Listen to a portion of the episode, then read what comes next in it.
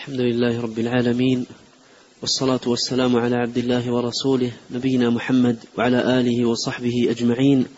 أما بعد فيقول شيخ الإسلام أحمد بن تيمية رحمه الله تعالى في الفتوى الحموية الكبرى نقلا عن ابن خفيف رحمه الله تعالى ومما نعتقده أن الله أباح المكاسب والتجارات والصناعات وإنما حرم الله الغش والظلم وأن من قال بتحريم المكاسب فهو ضال مضل مبتدع.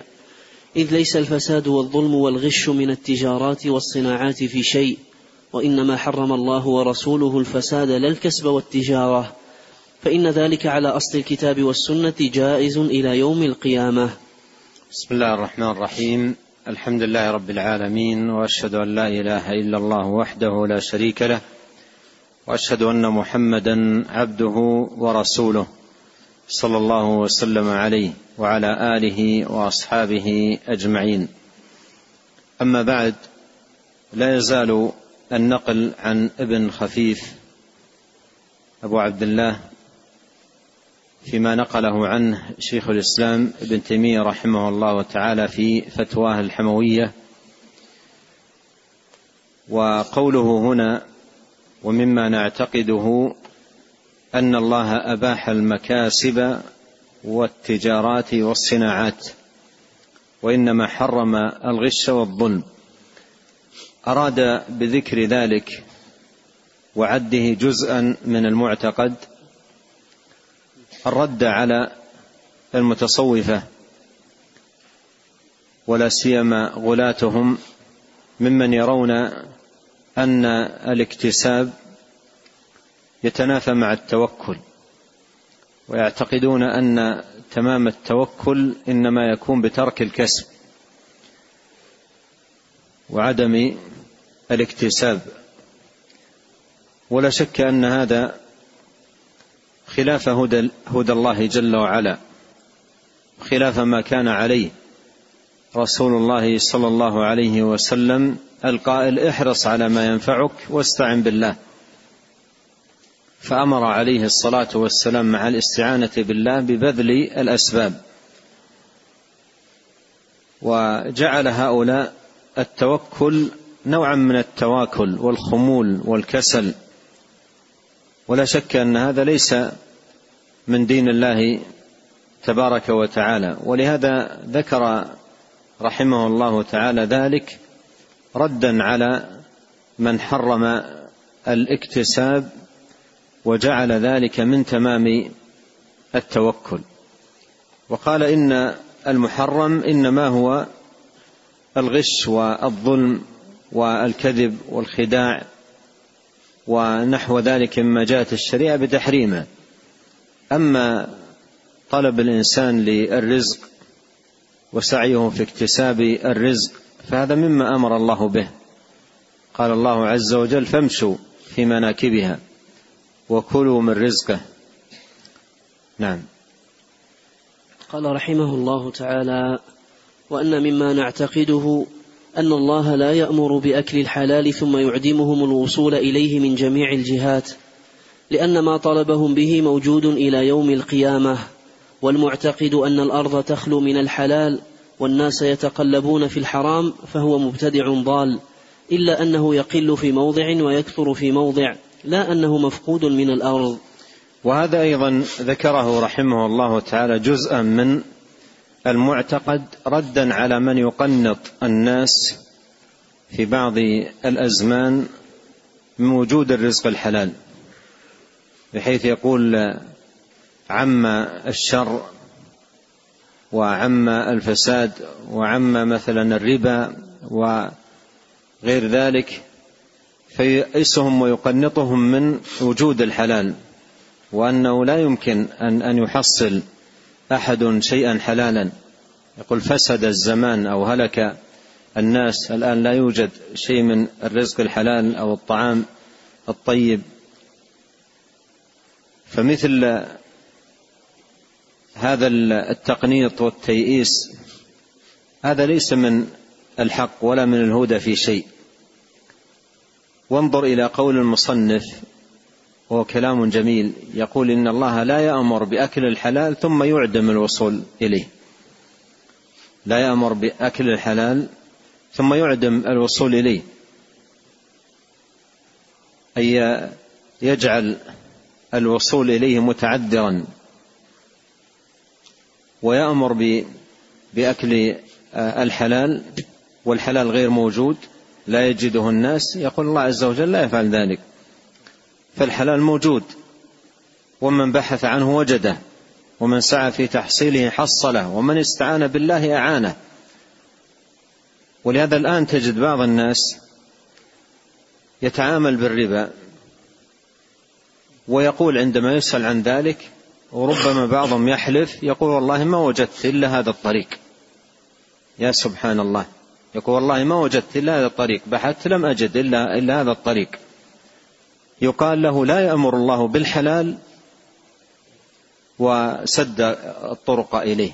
الطريق موجود طريق الحلال. وكم هم من الخلق في زماننا هذا وبنوا بيوتات وسكنوا فيها وملكوا أشياء وما دخلوا في هذا الذي دخلت فيه من الربا. فبعضهم يقول والله ما وجدت. ما وجدت طريقا إلا الربا. هذا غير صحيح. لم يأمرك الله بترك الربا ولم يأمرك بالحلال وجعل الطريق مسدودا. الطريق موجود لكن ابحث واجتهد. واسعى في في طلب الرزق الذي أباحه الله سبحانه وتعالى. لو لم يكن من الإنسان في طلبه للرزق إلا أن يأخذ حبلا ويحتطب. أو يدخل السوق ويبيع ويشتري. وهو باب مهيأ إلى زماننا هذا. فالشاهد أن هذا القول مخالف لهدى الله سبحانه وتعالى ولهذا أورده رحمه الله تعالى في جزءا من المعتقد. قال إن الله لا يأمر بأكل الحلال ثم يعدم الوصول إليه من جميع الجهات. من جميع الجهات. نعم قد يغلق من جهة لكن مفتوح من جهة أخرى. يعدم من جهة يكون الطريق مسدود إلى تحصيله من جهة لكن تجد مفتوح من جهات أخرى كثيرة. فلا يجعل الإنسان نصب عينيه هذه الطريق ويغفل الجهات الكثيرة التي هيأها الله سبحانه وتعالى له. قال لأن ما طلبهم به موجود إلى يوم القيامة. ما طلبهم به الحلال. موجود إلى يوم القيامة. والمعتقد أن الأرض تخلو من الحلال وأن الناس يتقلبون في الحرام مبتدع ضال. مبتدع ضال. إلا أنه يقل في موضع ويكثر في موضع. لا أنه مفقود في الأرض. لا أنه مفقود في الأرض. وهذا الجزء الذي ذكر رحمه الله يحتاج الناس إليه في هذا الزمان حاجة شديدة لأن كثير من الناس لوثت أفكارهم وأفهموا أو فهموا أن طرق الحلال مسدودة وأن أن لا يوجد طريق حلال. الذي يريد أن يبني بيتا يقيم فيه ويسكن مع أولاده لا يوجد يقولون إلا هذه الطرق الربوية أو الاتجار وأن يكون عنده رأس مال ليتاجر. لا بد يقولون من ويعتقدون أن لا لا لا سبيل لتحصيل الرزق إلا بذلك. هذا كله كلام باطل. هذا كله كلام باطل. فهذا الجزء حقيقة من الأشياء التي تحتاج الناس إلى إلى هذه الإيقاظة من المؤلف أو المنقول عنه رحمه الله تعالى. نعم. قال رحمه الله تعالى ومما نعتقده أن إذا رأينا من ظاهره جميل لا نتهمه في مكسبه وماله وطعامه جائز أن يؤكل طعامه والمعاملة في تجارته فليس علينا الكشف عن ماله فإن سأل سائل على سبيل الاحتياط جاز إلا من داخل الظلمة ومن لا ينزع عن الظلم وأخذ الأموال بالباطل إلا من داخل إلا من داخل الظلمة ومن لا ينزع عن الظلم وأخذ أموال وأخذ الأموال بالباطل ومعه غير ذلك فالسؤال والتوقي. كما سأل الصديق غلامه فإن كان معه من المال سوى ذلك مما هو خارج عن تلك الأموال فاختلط فلا يطلق عليه اسم الحلال ولا الحرام إلا أنه مشتبه. فمن سأل استبرأ لدينه كما فعل الصديق. وأجاز ابن مسعود وسلمان قالا كل منه وعليه اتبعه والناس طبقات والناس طبقات والدين الحنيفية السمحة. وأيضا هذا ذكره رحمه الله تعالى جزءا من المعتقد ومبني أيضا على ما قبله من تيئيس وتقنيط من وجود الخير في بعض الأزمنة فتجد بعض الناس يبني على ذلك أنه يشك في أموال جميع الناس يشك في أموالهم. ومن رآه يملك مالا شك في في ماله لأنه قد تقرر عنده أن اكتساب الرزق المباح في هذا الزمان مثلا متعذر. وأن لا يمكن أن يحصل الإنسان أموالا كثيرة إلا بهذه الطرق فتجده يشك في أموال الناس ويظن أنها دخلت عليهم من وجوه غير صحيحة أو غير مشروعة. فذكر رحمه الله تعالى جزءا من المعتقد أن إذا رأينا من ظاهره جميل لا نتهمه في مكسبه. من ظاهره جميل عنده أموال عنده بيوت عنده مزارع عنده أملاك واسعة مثلا. لا نتهمه في مكسبه وماله وطعامه. أي لا نظن أو نتهم ذلك الشخص بأن هذه الأموال مثلا من الربا أو من الغش أو من غير ذلك. قال لا نتهمه في مكاسبه وماله وطعامه في مكسبه وماله. جائز أن أن يؤكل طعامه. جائز أن يؤكل طعامه. والمعاملة معه في تجارته. والمعاملة معه في تجارته. إذا جاء الشخص يشتري منه. ليس له أن قبل أن يشتري منه يحقق معه. يقول أنت الآن أنا أريد أشتري منك ولكن هذه هذه التجارة من وين جبتها؟ أنت سرقتها ولا أنت بالربا حصلتها و ولا أنت كنت غش الناس وإلا إلى آخره ما يجوز هذا. هذا لا يجوز. الأصل أنه يتعامل مع الناس وظاهر لنا ظاهرة. ولا يفتش الإنسان في أمواله. وليس من الصحيح أن الإنسان كل ما وقف عند بائع سأله واستحلفه الأصل أن الإنسان له له ما ظهر من الناس فيتعامل معهم. لا يتهم في مكسبه ولا يتهم في ماله ولا يتهم في طعامه. والمصنف رحمه الله تعالى كل هذا جاء به ردود على المتصوفة. كله جاء به ردود عن المتصوفة الذين خرجوا عن الجادة توغلوا في التصوف وخرجوا عن آه، الجادة بمثل هذه المغالاة والتنطع في دين الله سبحانه وتعالى فهو يرد على أشياء موجودة على أشياء موجودة من أناس دخلوا في هذه الأمور آه، كنوع من التصوف وضرب من ضروبه. قال فليس علينا الكشف عن ماله. الكشف عن ماله أي بالسؤال والتحري. يريد أن يشتري فيكشف عن المال يذهب إلى المحلات التي بجواره يقول أنا أريد أشتري من فلان عنده كذا هل هو من كذا هل هو؟ ليس له ذلك. الأصل أن الإنسان آه، لا يتهم في ماله لا يتهم في ماله. جائز أن يؤكل طعامه والمعاملة في تجارته فليس علينا الكشف عن ماله. فإن سأل سائل على سبيل الاحتياط جاز إلا من داخل الظلمة ولم ينزع عن الظلم. يعني من كان بهذه الصفة وعرف بالظلم ولا ينزع عنه واشتهر بالظلم هذا باب آخر. فالسؤال والتوقي كما سأل الصديق غلامة. كما سأل الصديق غلامه وقصة الصديق مع غلامه وهي في صحيح الإمام البخاري رحمه الله. عن عائشة رضي الله عنها قالت كان لأبي بكر غلام يخرج له الخراج وكان أبو بكر يأكل من خراجه فجاء يوما بشيء فأكل منه أبو بكر فقال له فقال له الغلام أتدري ما هذا؟ فقال أبو بكر وما هو؟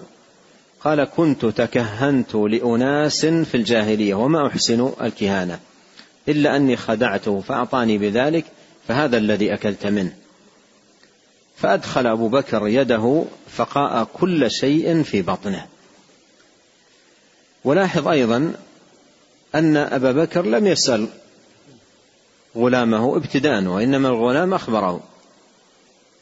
فما كان من عادة كل ما جاء له بشيء من الخراج سأله قال من أين جئت بهذا؟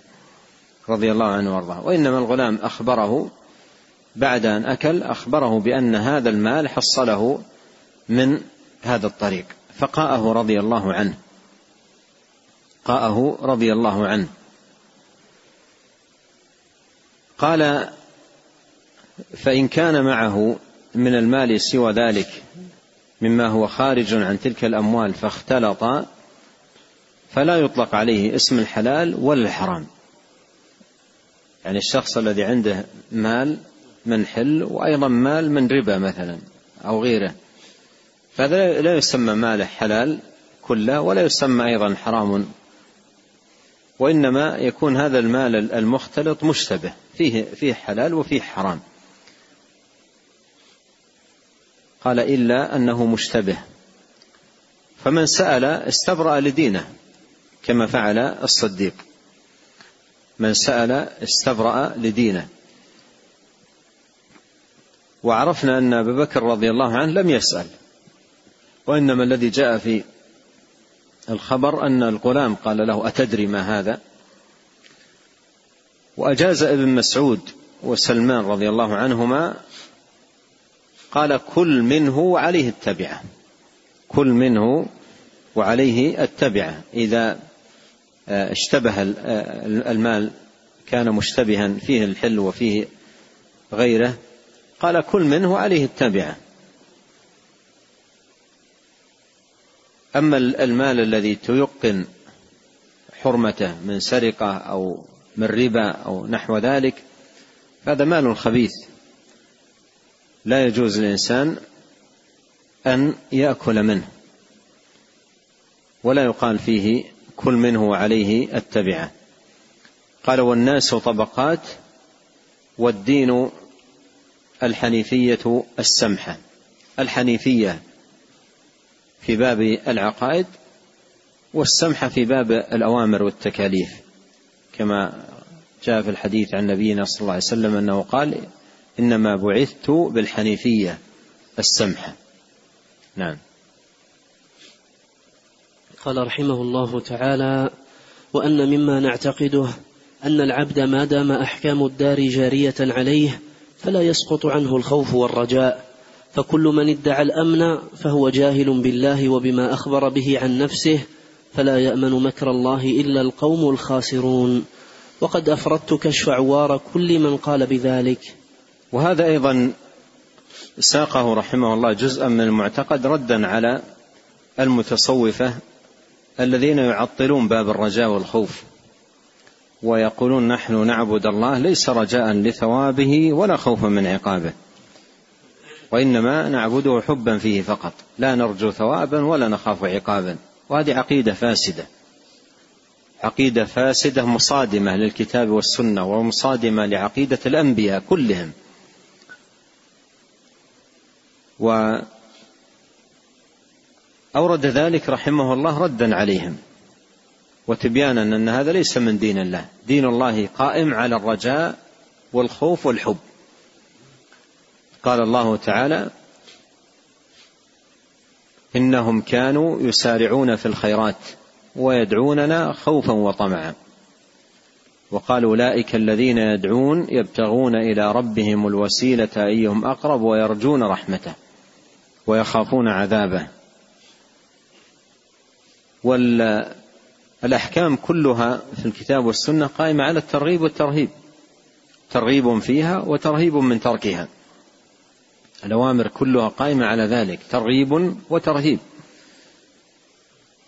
والنبي عليه الصلاة والسلام لما قال له ذلك الرجل أما إني لا أحسن دندنتك ولا دندنة معاذ. قال ماذا تقول؟ قال أقول اللهم إني أسألك الجنة وأعوذ بك من النار. قال النبي صلى الله عليه وسلم ونحن حولها ندندن يعني حول الجنة والنار. رغبة في الجنة ورهبة من النار. فمن يقول إن عبادته بالحب فقط لا رجاء للثواب ولا خوفا من العقاب هذا ليس من دين الله وليس من دين الأنبياء عليهم صلوات الله. وسلامه وبركاته أجمعين. فدين الأنبياء أجمعين قائم على الرجاء والخوف والحب. قائم على هذه الأركان الثلاثة وهذه يسميها العلم أركان التعبد. أركان التعبد القلبية بمعنى أن كل عبادة قلبية كل عبادة يقوم بها يجب أن تكون قائمة على هذه الأركان الثلاثة. فهذا ذكره رحمه الله تعالى ردا على من يهمل جانبي الرجاء والخوف ويدعي أنه يعبد الله حبا فيه فقط لا رجاء لثوابه ولا خوفا من عقابه. نعم. قال رحمه الله تعالى ونعتقد أن العبودية لا تسقط عن العبد ما عقل وعلم ما له وما عليه فيبقى على أحكام القوة والاستطاعة إذ لم يسقط ذلك عن الأنبياء والصديقين والشهداء والصالحين. ومن زعم أنه قد خرج من رق العبودية إلى فضاء الحرية بإسقاط العبودية والخروج إلى أحكام الأحدية المبدئية بعلائق الآخرية فهو كافر لا محالة. إلا من اعتراه علة أو رأفة فصار معتوها أو مجنونا أو مبرسما وقد اختلط في عقله أو لحقه غشية. ارتفع عنه أحكام العقل وذهب عنه التمييز والمعرفة فذلك خارج عن الملة مفارق للشريعة. وأيضا هذا ساقه رحمه الله ردا على المتصوفه في دعواهم أن المرء قد يتدرج في المنازل والعبودية إلى أن يصل إلى درجة تسقط عنها عنه فيها التكاليف بزعمهم. وربما استدل بعضهم بالآية الكريمة واعبد ربك حتى يأتيك اليقين. ويقولون اليقين درجة. إذا وصل إليها الإنسان سقطت عنه التكاليف. بينما المراد باليقين في الآية الموت. أي داوم على عبادة الله إلى أن يتوفاك الله. كما قال الله في الآية الأخرى اتقوا الله حق تقاته ولا تموتن إلا وأنتم مسلمون. أي داوموا على عبادة الله حتى الموت. كما في الحديث قل آمنت بالله ثم استقم. أي استقم على دين الله إلى أن يتوفاك الله سبحانه وتعالى. فذكر ذلك رحمه الله تعالى ردا على هؤلاء. وهم يدعون أن المرء إذا دخل في المراتب والمنازل منازل العبودية قد يصل به الأمر إلى درجة تكون التكاليف ساقطة عنه ليس مأمورا بالصلاة ولا بالصيام ولا بالصدقة وليس منهيا عن الحرام لا عن الزنا ولا عن السرقة ولا عن الربا ولا غير ذلك. وهذا لا شك أنه مصادم للعقيدة مصادم للعقيدة. و اعتقاد ذلك وفعله كفر ناقل من الملة. ولهذا أورده رحمه الله تعالى جزءا من المعتقد. قال نعتقد أن العبودية لا تسقط عن العبد. ما عقل وعلم ما له وما عليه. مميز وما عليه مميز على أو مميز على أحكام القوة والاستطاعة. هكذا عندك؟ ونعتقد أن العبودية اقرأ. ونعتقد أن العبودية لا تسقط عن العبد ما عقل وعلم ما, لا ما له وما عليه فيبقى على أحكام القوة والاستطاعة. نعم. فيبقى على أحكام القوة والاستطاعة. إذا لم إذ لم يسقط ذلك عن الأنبياء والصديقين والشهداء والصالحين. يقول هذا الذي يدعون أن يسقط عمن يسمونه بالواصل هذا لم يسقط عن الأنبياء وهم أكمل الناس عبودية ولم يسقط عن الصديقين وهم الذين رتبتهم تلي رتبة الأنبياء في الفضل ولم يسقط عن الشهداء ولا الصالحين. فكيف يدعي هؤلاء؟ الأفاكون أن التكاليف تسقط عن الشخص إذا وصل بزعمهم إلى هذه الدرجة التي يزعمون.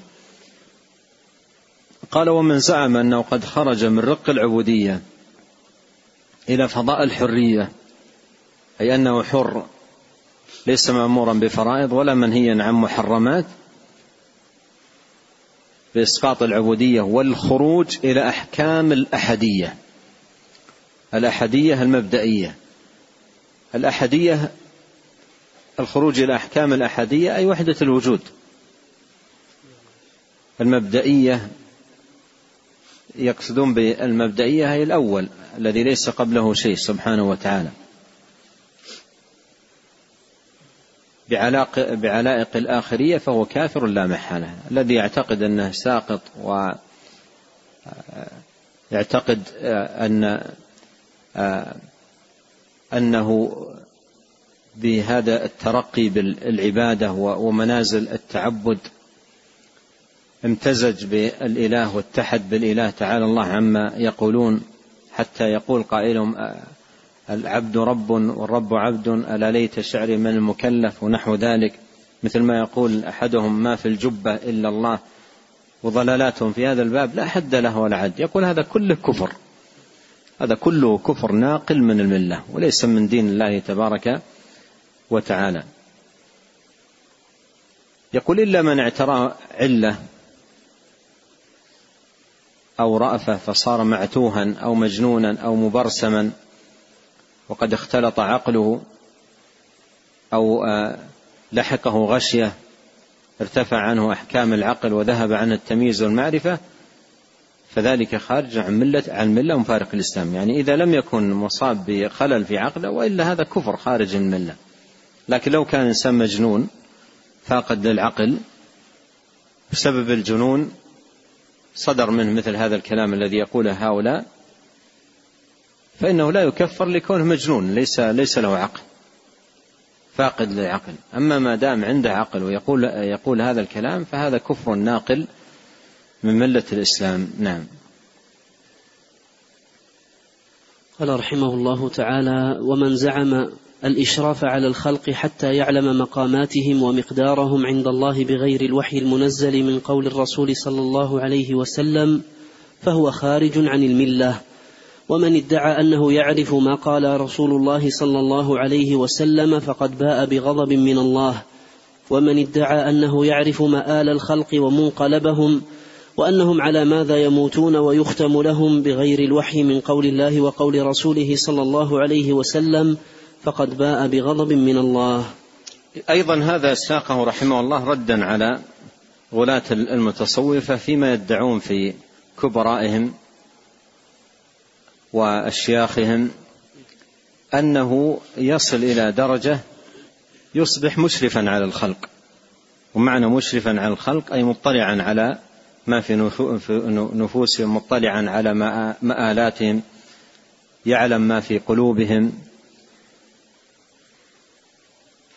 فيدعون هذه الدعوة في آه، الأشياخ والأولياء المزعومين أن يصل إلى درجة يكون مشرفا على الخلق.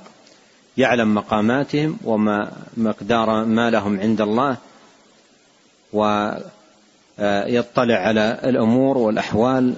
بماذا يختم للناس إلى غير ذلك؟ يقول هذا كله كفر ومن ادعى ذلك فقد باء بغضب من الله. نعم. قال رحمه الله تعالى والفراسة حق على أصول ذكرناها وليس ذلك مما سميناه في شيء. قال والفراسة حق على أصول ذكرناها وليس ذلك مما سميناه في شيء.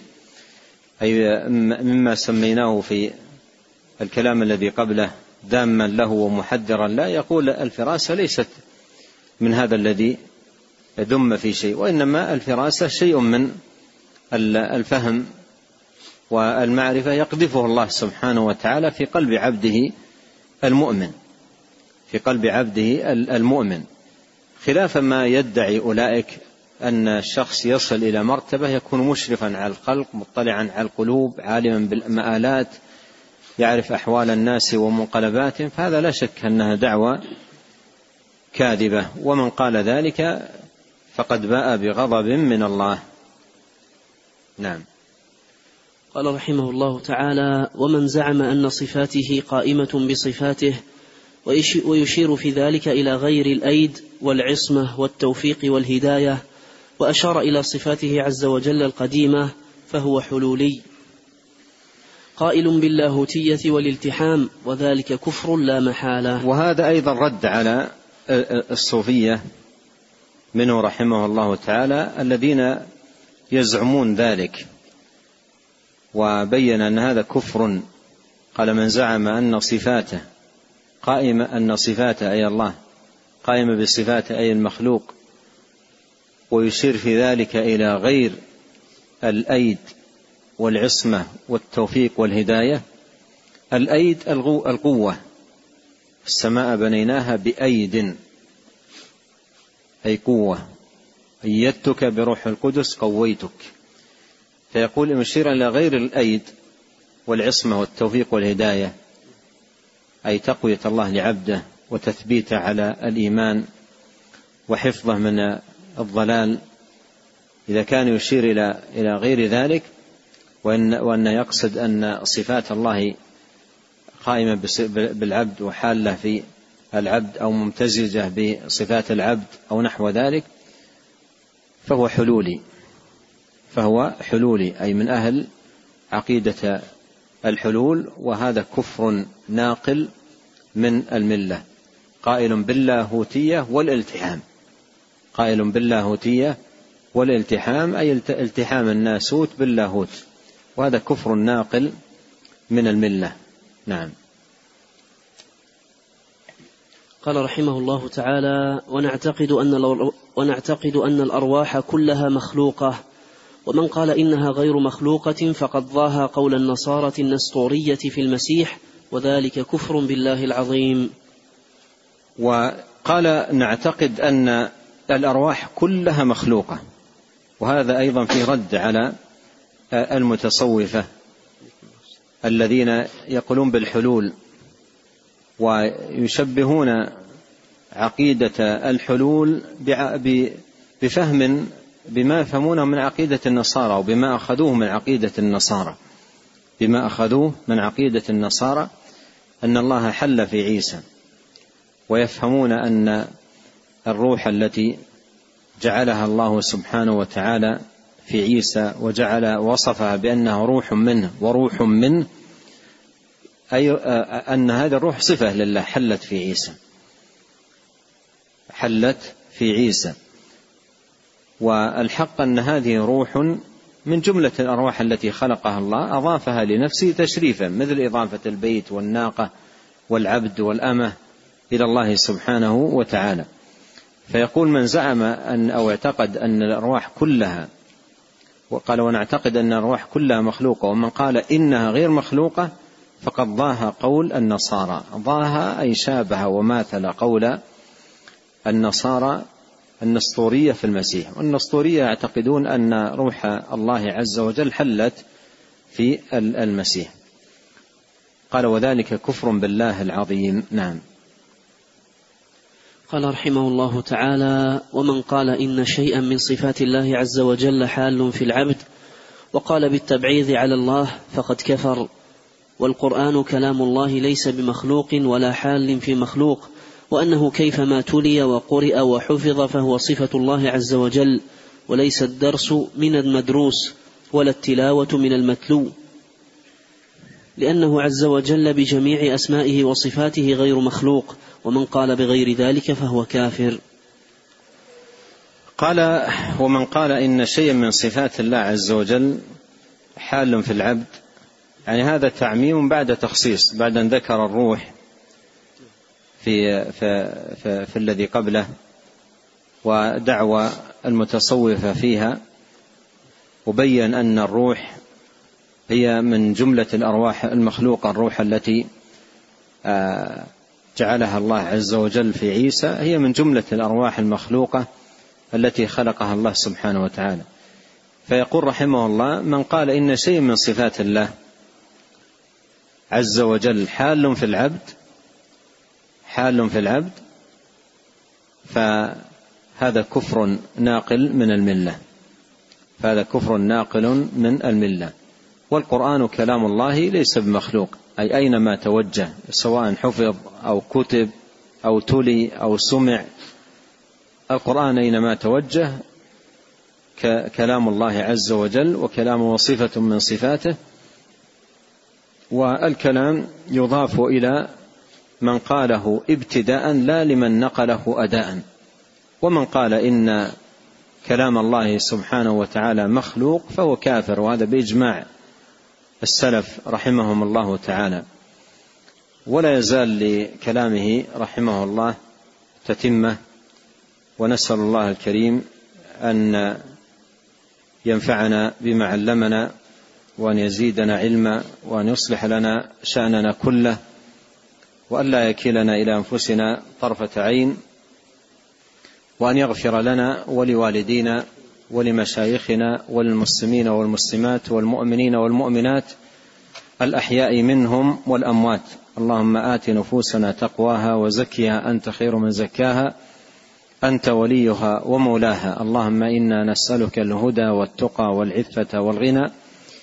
اللهم اقسم لنا من خشيتك ما يحول بيننا وبين معاصيك ومن طاعتك ما تبلغنا به جنتك. ومن اليقين ما تهون به علينا مصائب الدنيا اللهم متعنا بأسماعنا وأبصارنا وقوتنا ما أحييتنا واجعله الوارث منا واجعل ثأرنا على من ظلمنا وانصرنا على من عادانا ولا تجعل مصيبتنا في ديننا ولا تجعل الدنيا أكبر همنا ولا مبلغ علمنا ولا تسلط علينا من لا يرحمنا. سبحانك اللهم وبحمدك أشهد أن لا إله إلا أنت أستغفرك وأتوب إليك. اللهم صل وسلم على عبدك ورسولك نبينا محمد وآله وصحبه. جزاكم الله خيرا.